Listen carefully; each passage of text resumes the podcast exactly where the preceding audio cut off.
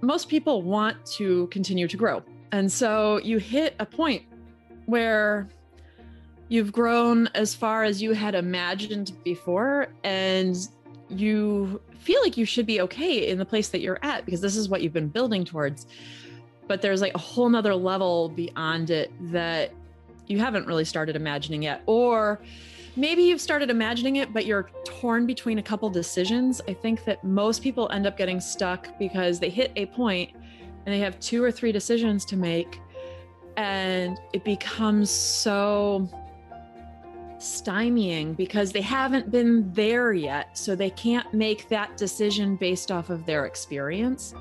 That was Becca Ribbing, and you're listening to episode 308 of the Building Psychological Strength podcast, where we uncover the information, tools, and techniques to turn our mind into our most valuable asset.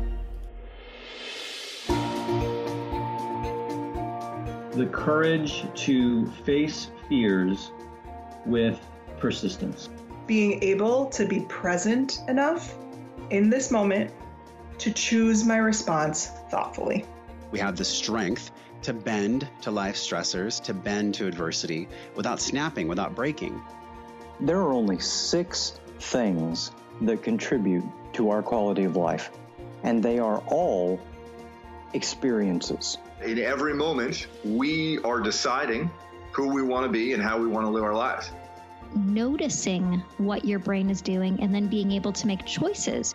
Mobilize the things that we know lift us up. Fear is not logical, it's primal. Hey, everybody, welcome back to this episode of the Building Psychological Strength podcast. My name is April, and I'm your host. Tell me if you have ever felt yourself feeling stuck, feeling like you've gotten to a point in your life and you just aren't sure what direction to go in next. You know, it's funny when I hear from people in that situation, typically it comes up in a couple of ways. Either a big life experience has really flipped things upside down for them, and they feel like their outlook going forward is different than it has been up until that point. And it can become a little bit constraining to think about well, what direction do I go in going forward now with this new information or this new outlook or this new purpose or this new thought pattern? I'm just not sure.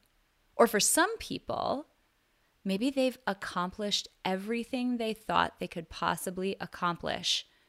And now they're wondering what's next. It's that yucky, unmoored feeling where you feel like you don't have a direction and you're not sure where to go that stuck feeling can creep up on us in a lot of different ways. And ultimately, the thing that it has in common is that we just don't like it very much. You know, the clip that I played at the beginning of this episode is a testament to that. We love the notion that we're continuing to grow, we're continuing to make forward progress. And when we feel stuck, when that progress is halted for some reason, it just doesn't feel very good. Tell me if you've ever felt that way. I know I have on a lot of occasions. That's what we're going to be talking about today in this episode. And we're talking about it from the lens of a lot of the topics and concepts that we cover in this podcast, but it's coming together in a way that is so helpful to think about how you might approach the next chapter of your life. I mean, heck, we're all contemplating that right now, aren't we? As the state of the world continues to morph and change with COVID and everything that comes with it, we're contemplating what that next chapter might look like. What have I learned up until now, and what do I want to do differently going forward? And it can be tough to navigate that transition. Today, in this episode, we are speaking with a woman named Becca Ribbing. She is the author of the Clarity Journal and has been a coach for over a decade. And she's on a mission to help people break out of the cycles of uncertainty and struggle that hold them back so that they can stop going around in circles and finally figure out what they truly want and create the clarity and momentum they crave. The life designer in me was so excited to have this conversation.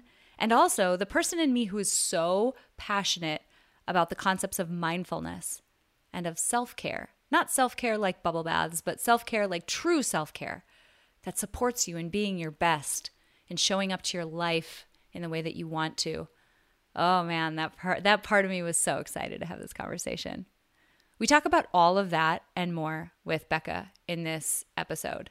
And there's a particular thing that I want to highlight that came out of the end of this episode that neither neither Becca nor I had ever thought about before. And it's funny because the more I have these conversations, the more I wrestle through these topics with these guests, the more insight comes out of a topic that I've thought about for so long. It's amazing, something like mindfulness or emotional intelligence, that there's still juice to squeeze there, but there is. And you know, today we talked about in this at the back end of this episode, we talked about the notion of self-care, the surface level notion of self-care where just go get in a bubble bath and you'll feel better. That stress you feel, the anger you feel, the resentment you feel, you'll feel better. Go get a manicure. Do some yoga. And I'm not saying that any of those things aren't great. Like my god, I love bubble baths. I love yoga. I love taking that time for myself. But if we look at our own emotions as being so surface level that something like a bubble bath could take them away, to what degree are we validating those emotions? To what degree are we saying, yes, those emotions are valid, they are logical, they come from somewhere? They came from a place where a boundary of mine is not being respected, or I'm being overworked, or systemically, the way that my household or my job or some major aspect of my life, systemically, the way that it works is not working for me. And that's where that anger comes from. We have this amazing conversation on the back half of this episode, and you will not want to miss it about validating our own emotions as purely logical and true and worthwhile to explore and to understand the information that they bring to us, what they tell us about what we truly desire, and how this surface level of self care kind of cheapens that. Ugh, it was so good. I'd never thought about it that way before. Becca admitted she had never thought about it that way before. And that is the value of continuing to have these conversations. And that is the value of you continuing to come back to these conversations. The more we peel back layers, the more deeply we understand these topics, the more powerfully we can apply them to our lives. So, friends, if you've ever felt stuck, if you are feeling stuck, if you foresee in the future at some point you could feel that way, this is the episode for you. And I can't wait for you to meet Becca Ribbing. Becca, I'm so excited that you're here with us for this episode because we're talking about kind of the melding of a couple of topics that I'm really passionate about. So it's going to be a fun conversation today. Thanks for having me on. So you wrote a book that is uh, really exciting to me. It's called the Clarity Journal. Can you give us a little uh, snippet overview of your book and why you wrote it? Yeah. So I actually wrote it when I was at a crossroads myself. I had just had a baby, or he was maybe one, and I was trying to figure out what direction I was going to go in, um, blending my second child in with my work life. And my second child was a little bit more difficult than my first child. He had a lot of ear infections and stuff. Mm. So not like mm. difficult, like in his own fault, but difficult. Yeah. Life became a little more chaotic. and so I was talking to a friend and going back and forth about some of these career decisions I would needed to make.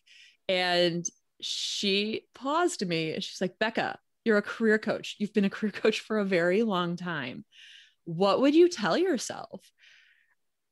And that hit me like a ton of bricks. Mm. You know, mm. when you have your friend ask you that type of question and you just have to stop and think and be like, I hate you right now. right. right.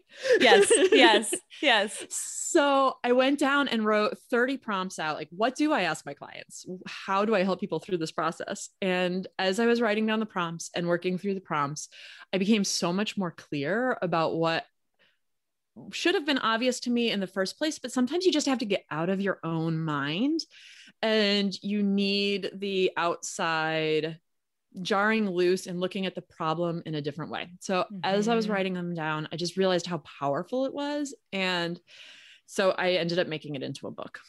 I love it. So the subtitle of this book for those listening who aren't looking at the same Amazon listing that I'm looking at says find the clarity and momentum you've been searching for. And what I love about this is that uh, all of us have experienced that feeling I would dare to say multiple times in our lives right. where maybe in and I've talked about it with a lot of folks, and it comes in a lot of different ways. And I'm curious about your experience with this, with your clients, and with your own personal experience, because I see it coming when like a big event happens. So a baby, a change in relationship status, whether that is, you know, you get into a relationship or maybe one ends. Um, it can also be with big career transitions. But I also find that it can happen for people when like they finally reach that last milestone that's very broadly defined. And then they just become almost unmoored. Like, I'm not searching for this anymore. What do I do? Like, have you noticed that? And maybe even other things with your clients? Right. Well, I think what ends up happening is we're always growing. And so, you know, with my clients, my clients are very intelligent. Most people want to continue to grow. And so you hit a point where you've grown as far as you had imagined before. And you feel like you should be okay in the place that you're at because this is what you've been building towards. But there's like a whole nother level beyond it that you haven't really started imagining yet. Or mm. maybe you've started imagining it but you're torn between a couple decisions. I think that most people end up getting stuck because they hit a point and they have two or three decisions to make and it becomes so stymieing because they haven't been there yet. So they yeah. can't make that decision based off of their experience. And so that's when people start going round and round and round in circles. They try to do research, they talk to their friends. But when they talk to people, it's usually talking to them from the framework of the problem itself. And I don't know. I don't know. I hear a lot of, I don't know.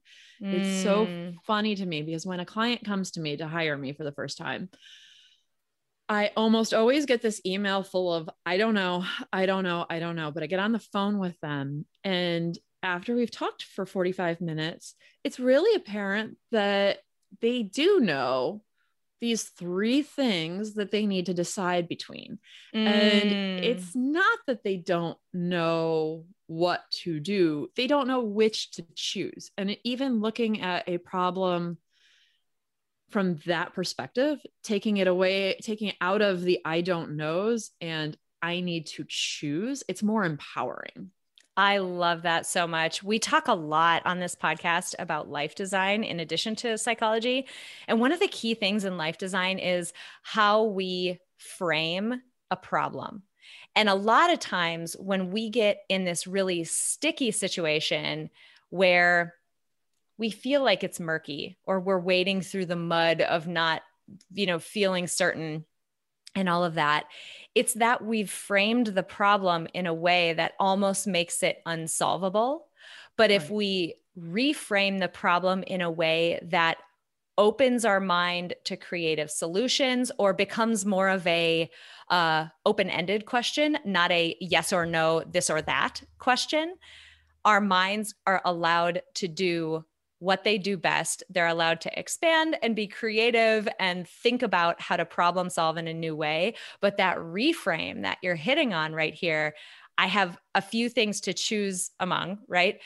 That's so different than I don't know what to do. That's so closed down. I love right. this. That's so good and so that's kind of what i love about the clarity journal is it's all these open-ended questions to help you kind of break out of the pattern that you have been thinking about clarity about your job and help you really come out of yourself come out of the framework that you've been focusing on this with and really just get outside yourself, like shake it up a little bit and be able to be a little more expansive and a little more curious. Yeah. I think sometimes we get so afraid of making the wrong decision that we can't be curious about that decision.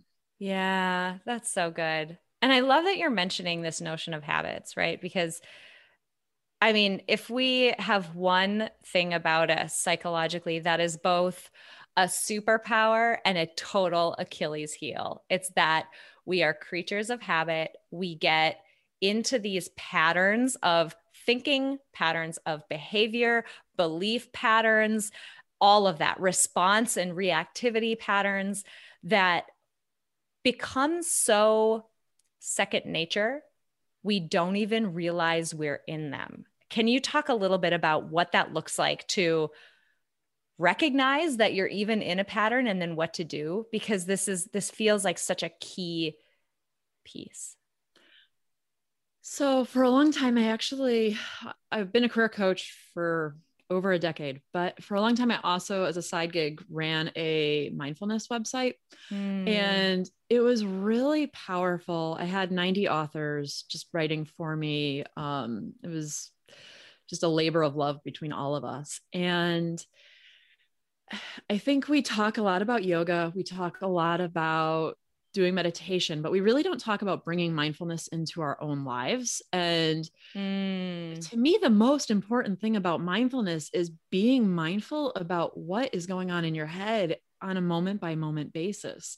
And I think the more that you can start to notice when you're anxious or when you're stuck, the easier it is to find the resources to even move yourself out of that because you can't move yourself out if you don't recognize the problem in the first place. That's so good. It's a huge distinction, right? Between what happens when you're sitting, quote unquote, on the cushion, right? You're sitting there in meditation. It okay, everybody's going to roll their eyes at me when I say this. It's easy to meditate then. No, it isn't. It is not easy. Meditation, I realize what I just said, but that's where it's easy to think about being mindful. It it feels appropriate there.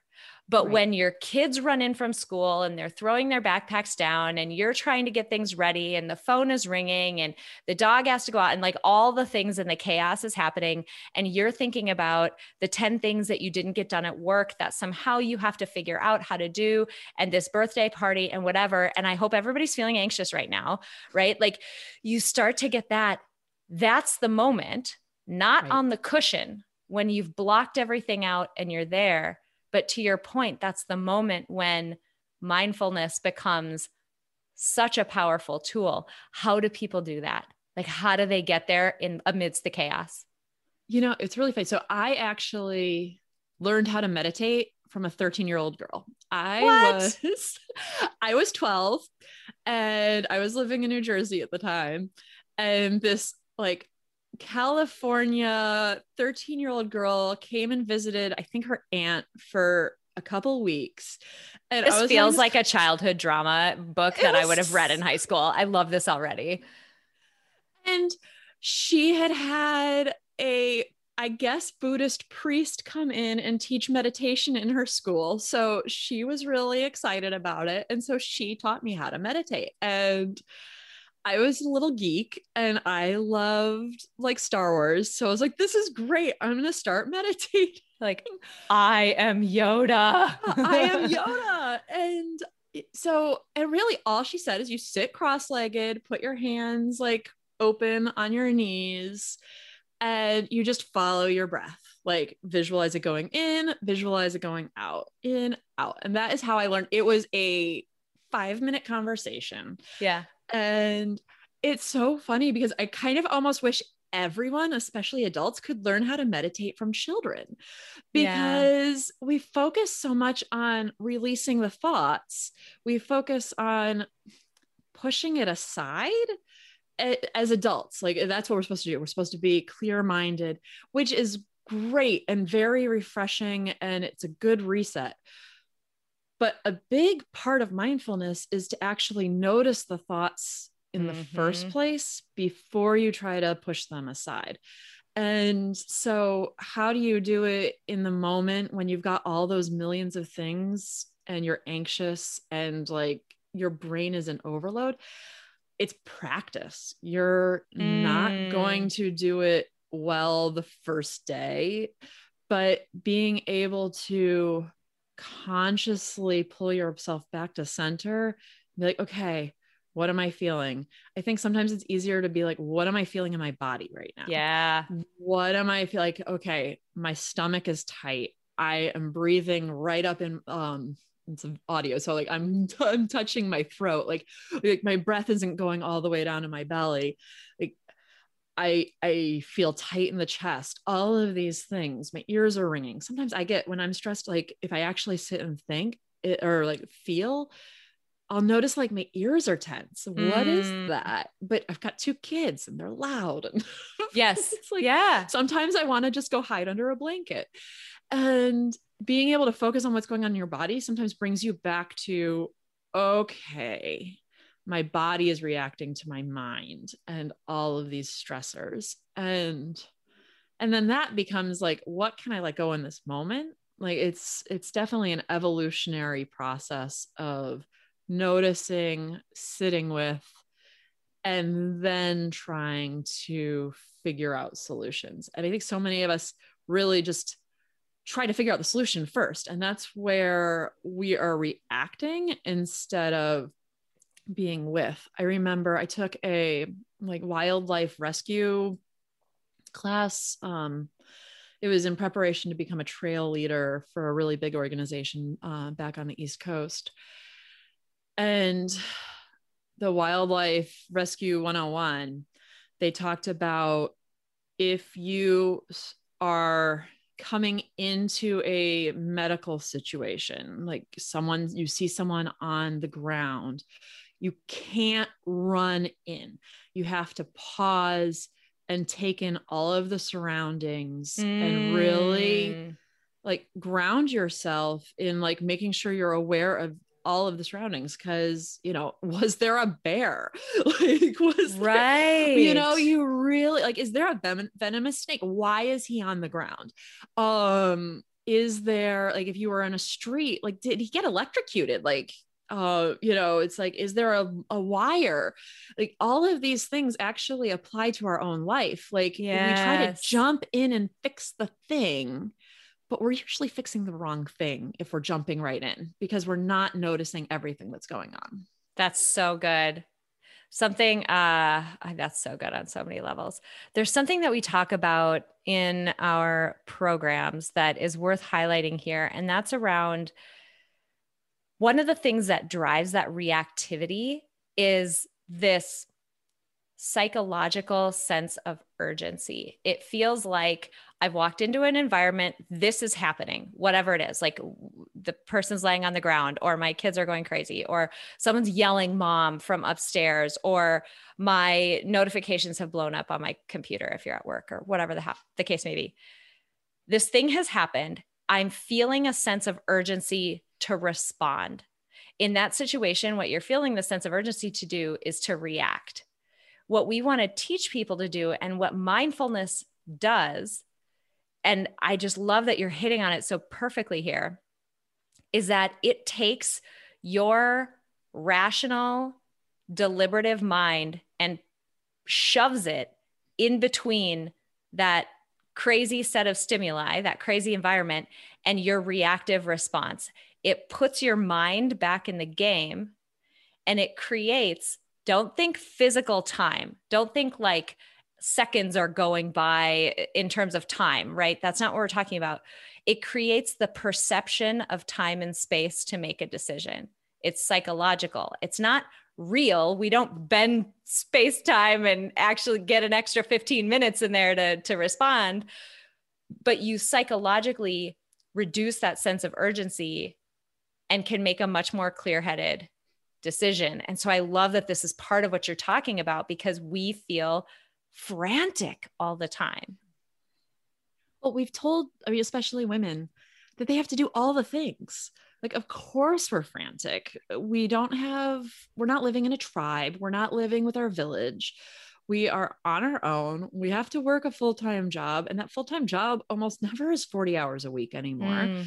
You know, we have these kids that, you know, I mean, my grandmother used to basically put a leash on my dad and stick him outside like chained to a fence yeah go play outside like free right you know like i they don't even it, like i consciously try to not overschedule my kids but even with not overscheduling my kids all of my kids friends are overscheduled so i can't really just go tell them to play outside most of the time because most of the time there's no one around you know? And it's it's hard because we do live in this frenetic society that is just has told us we need to be better we need to be better and i read something really beautiful recently and i'm trying to remember where because i'm not going to give the person credit for it unfortunately but it talked about instead of thinking about being your best self think about being your favorite self oh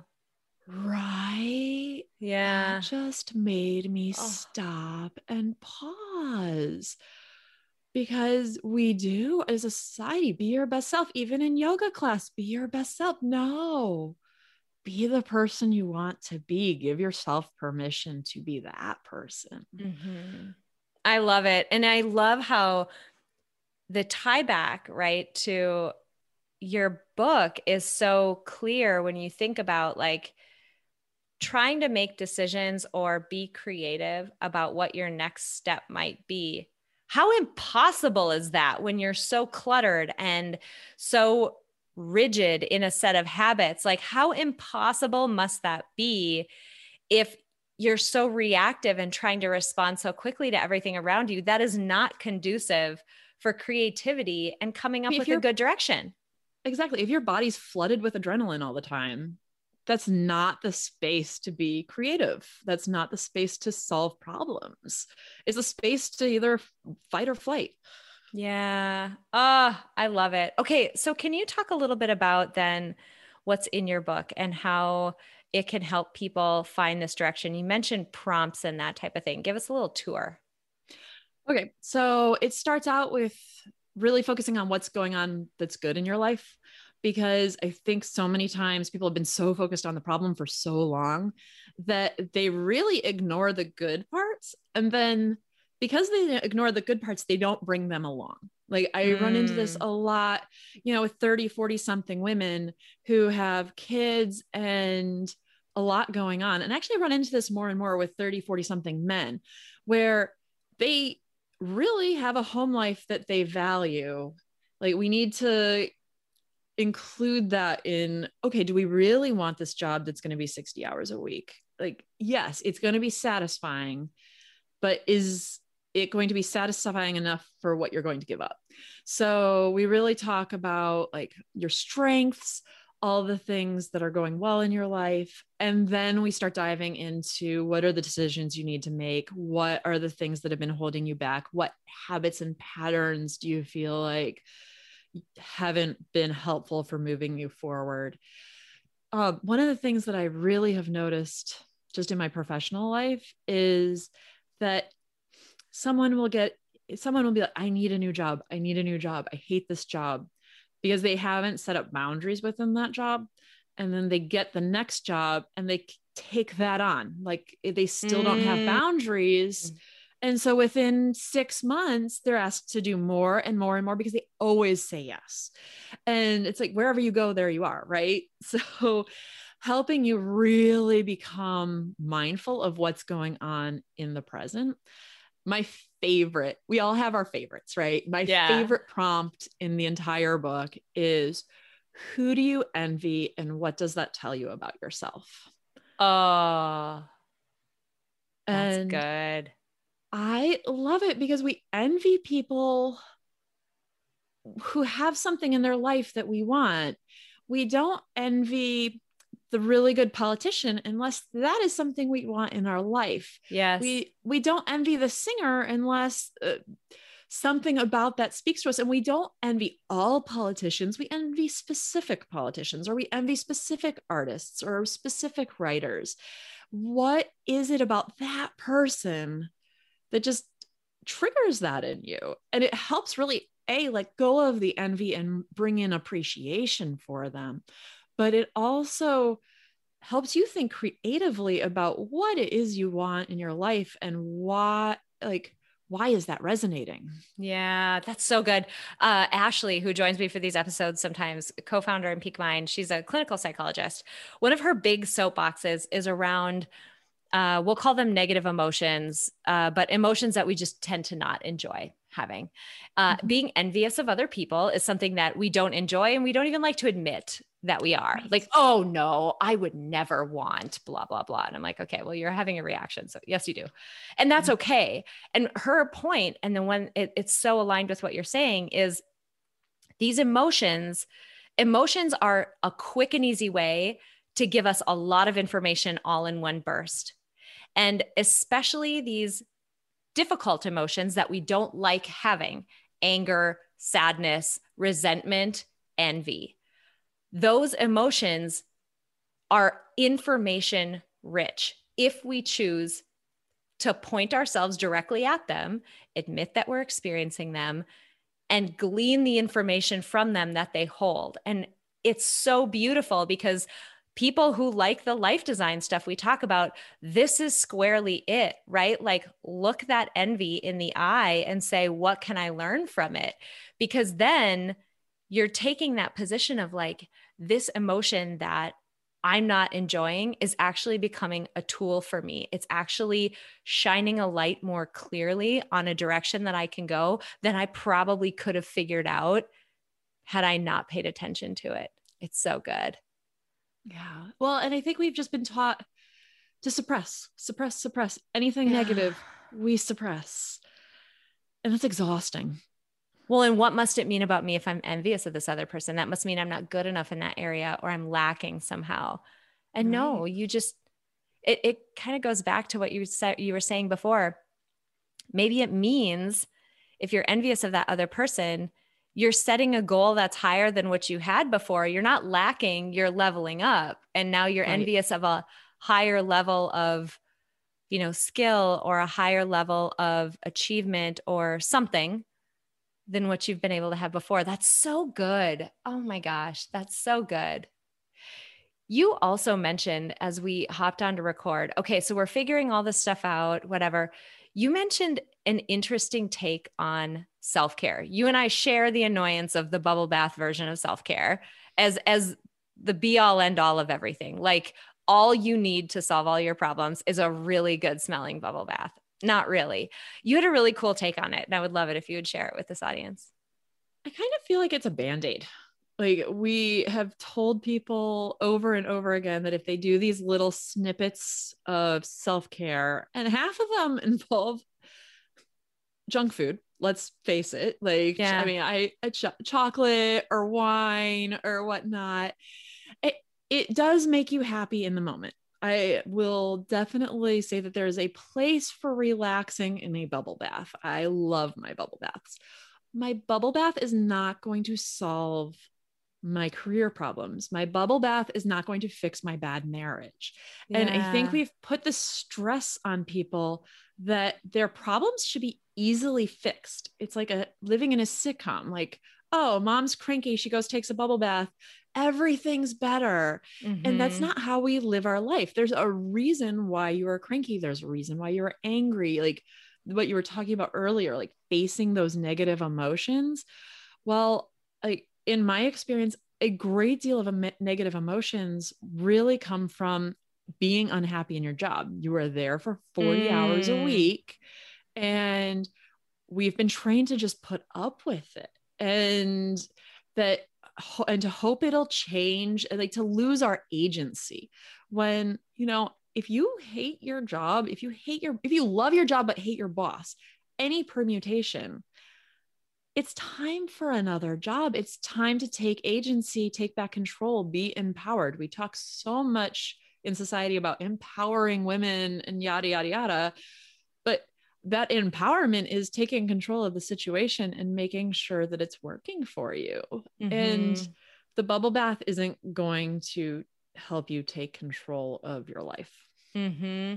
And talk about, too, one piece that I hadn't thought of until you described it in this way is that it's almost like if you if you're feeling an intense set of an intense feeling of dissatisfaction or emptiness or lack of fulfillment or anything else right that might be a bubble bathable um, a bubble bathable emotion it's almost invalidating that emotion to assume that something so simple is the remedy for it. When in fact can you validate yourself and say, no, it is completely understandable that you're this angry for these reasons in your job, not because you are emotional, this isn't real, it's not worth it, you know, go do something indulgent.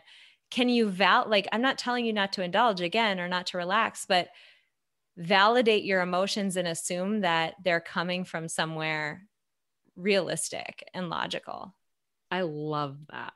That is I had never put it so together until you started to describe that. I'm like, oh my God, we are treating our emotions as though they're not real. Like this should Right. just go away. And then when it doesn't, we're wondering why we're so emotional all the time. Well, and think about like how like just like the trope throughout society for millennia like I don't know about how many millennia, but definitely throughout like the US's history, like women too emotional, women are too emotional, women are, you know, like crazy, like all of the words that we that people use around women who are just feeling anger or just feeling like Yeah. they don't have power over their lives. Like we've been taught that if we are emotional, there's something wrong with us. Yeah. And we've also, quite frankly, been taught that men aren't emotional when they really are. Yeah. And so it's it Yeah. is that invalidating like society invalidates us and then we learn that and we pull it forward and and we do it to ourselves and to And we other do it to people. ourselves. Ah, yeah.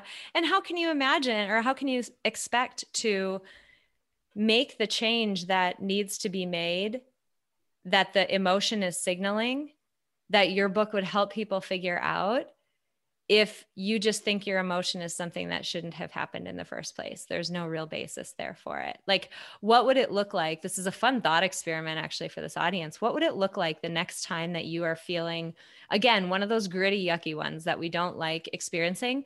What if you just flirted with the fact that, no, this is 100% logical? What does it mean? Like, I'm 100% warranted in having this emotion. Anybody in this situation would have this emotion. What does that mean? Like, what is that I've- signaling about the circumstances, not about me? Not there's something wrong with me. What change is it signaling I should make? I'm not saying you have to go do it and like get a divorce and quit your job and burn your house down or anything crazy like that. What I'm saying is just an acknowledgement of, hey, maybe some things do need to shift. right. How freeing. Oh my I have God. goosebumps. Ah, this is so cool. Um, okay, so you gave us a, an amazing prompt from your book. Um, any chance I can squeeze one more out of you, like one just for people to think about as, uh, you know, they've they've been listening to us, you know, bang on the desk and talk about how we need to validate ourselves a little bit more. Um, I think that a big one that people don't really embrace is what did you love as a child? Like what Mm, when you were free before you took on all these social constructs, all of these shoulds, before you went through like all of your schooling, what was it that brought you joy and pulling yourself back to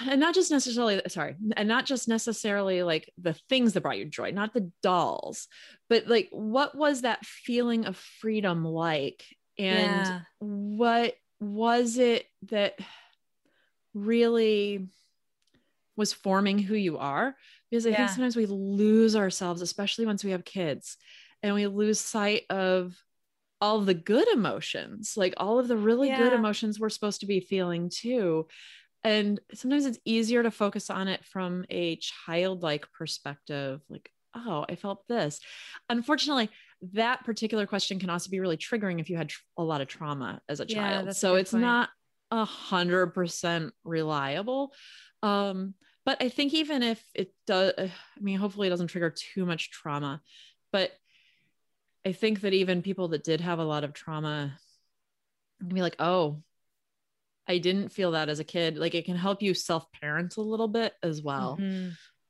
Yeah, I love that. We've talked about a lot of really important and foundational topics today. I'm curious as you think about our conversation and in your area of focus, what does it mean to be psychologically strong to you?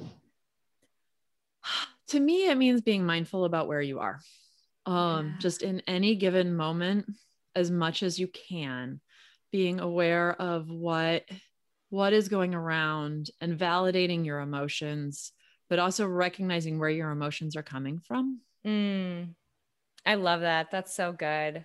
That is so good. it's there's you know when we think about our concept of psych strength we have it on our website and there's a reason why mindfulness is in the middle of you know we, we talk about it being seven different uh, sets of skills mindfulness being in the core of it because it's required for everything else and it's such a foundational piece i love it right. so much um, where can this audience learn more about you where can we buy your book. I would love for you to direct people there if they want more, especially more prompts, because there's something special in getting a prompt from an external person. It just pokes and nudges your mind in a direction that you might not have taken your mind had you not had that prompt. So, where can people learn more about you and get your book? So, my book is on Amazon. It's called The Clarity Journal. It's easy to find. And I have my website is beccaribbing.com. And then you can find me at Twitter and Instagram as well at Becca Ribbing. Amazing. I'll make sure that we link up your book and your website in this episode description and on your show notes page. So it's really easy for people to navigate there if they want to learn more. I so appreciate you being here. These topics that we've been covering are so foundationally important. You think about like you know, it's easy to be grateful when times are good. It's easy to be mindful when things are calm. But those practices that you're talking about help us do that when, you know, the chips aren't falling in a way that we want them to, or when life is more hectic than we want it to be. So it's a really big gift to be reminded that that practice is worthwhile. So thank you so much for being here. It's a simple fact that nearly everyone in the world could benefit from building psychological strength. But not everyone will put in the time and effort to do so. But today you did. Thank you so much for listening to this episode of Building Psychological Strength. Now, if you're interested in building the mental toughness, confidence, and resilience you need to thrive through life's ups and downs, visit us at www.peakmindpsychology.com. Also, if there's someone in your life who could benefit from this episode, please share it with them. And if you yourself found this episode valuable, meaning if you took away even one insight that you can use to build psychological strength in your own life, we would so appreciate it if you would drop us a rating and a review on iTunes. The thing is, the more ratings and reviews we have, the easier it is to get this powerful and important content out to the people who need to hear it. Remember, your mind can be your most valuable asset or your biggest liability, and you get to choose. So choose wisely, my friend. And I'll see you next time on Building Psychological Strength.